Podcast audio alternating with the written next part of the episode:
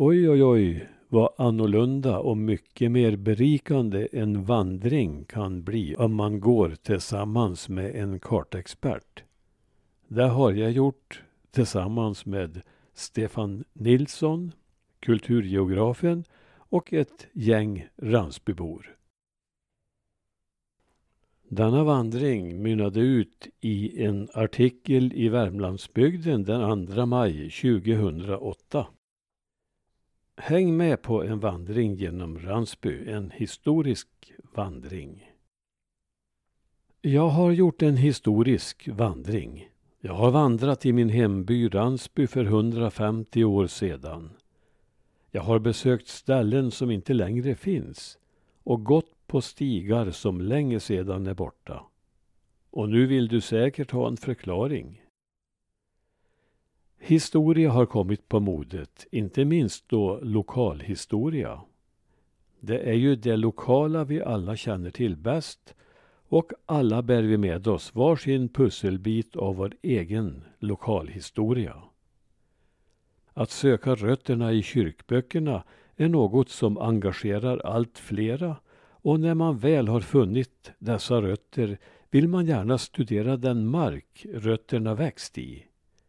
Det är då släktforskningen omärkligt glider samman med lokalhistorien och då vill vi plocka fram kartorna för att få veta mera.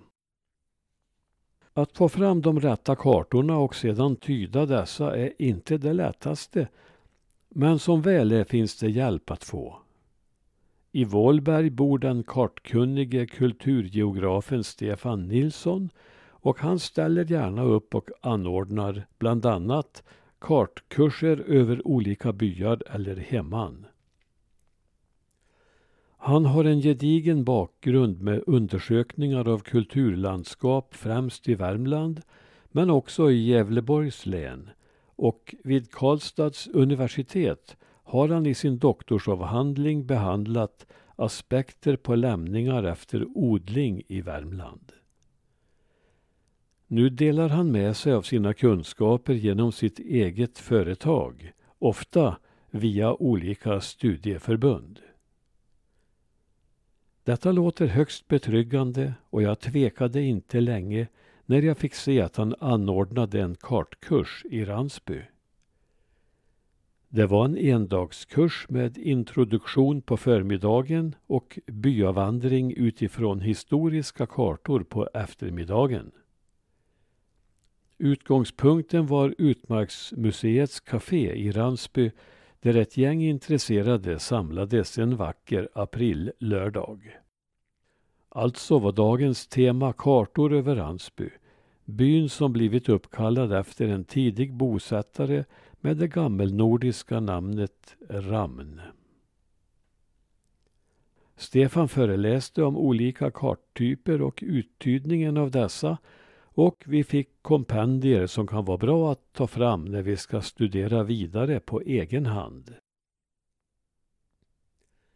Med hjälp av en projektor betraktade vi olika kartor.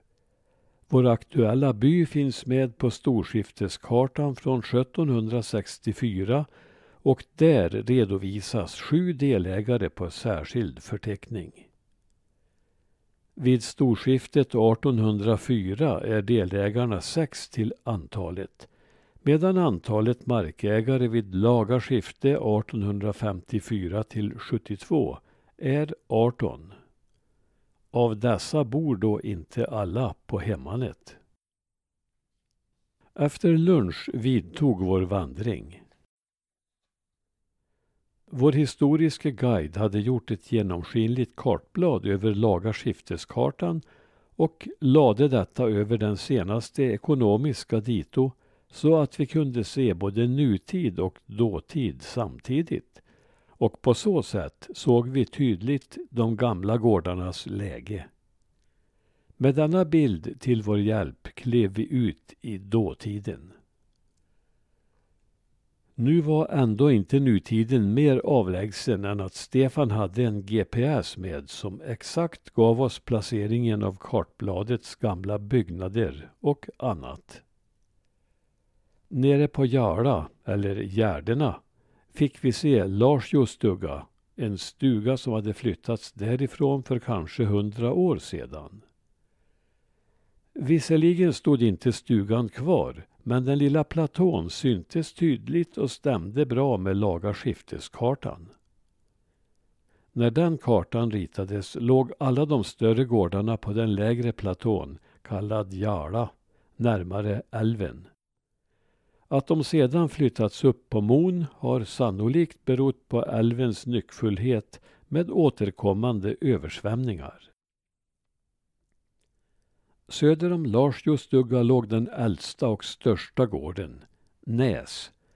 Och långt in i ett slybevuxet område hittade vi huset som ju inte längre stod där. Det flyttades för snart ett sekel sedan till Hole och ett nytt bostadshus uppfördes rakt österut uppe på Mon. På gården Näs trampade jag igenom den sköra skarsnön och blötte ner mig i en kalvhage som inte längre finns. Något söder därom låg den gamla gården Hockestugga som en tid var gärsgiveri. En grundlig undersökning visade att den skulle ha befunnit sig inne i sågens brädmagasin. Den äldsta genomfartsvägen gick tidigare på Jala helt nära den dåtida bebyggelsen och till den ledde de olika gatorna, alltså fägator som tidigare varit ingärdade. Allt detta kunde vi studera på ort och ställe men kunde också konstatera att verkligheten och kartan inte i alla lägen stämde överens. En tillfartsväg fanns på kartan men spåren i naturen var närmast obefintliga. Vandringen gav många intressanta inblickar och framförallt tillbakablickar och gav också ett gott exempel på vilken användning även lokalforskare kan ha av den nya tekniken. En av deltagarna i vandringen hade dessutom med en egen GPS som tog emot impulser flera gånger i minuten och när vi kom tillbaks till utgångspunkten kunde han lägga in denna information på en förberedd dator. Där kunde vi sedan se ett blått hackigt streck som på en nutida karta visade slingan vi nyss hade gått. Dagen gav en minst sagt omtumlande mix av gammal kultur och ny teknik.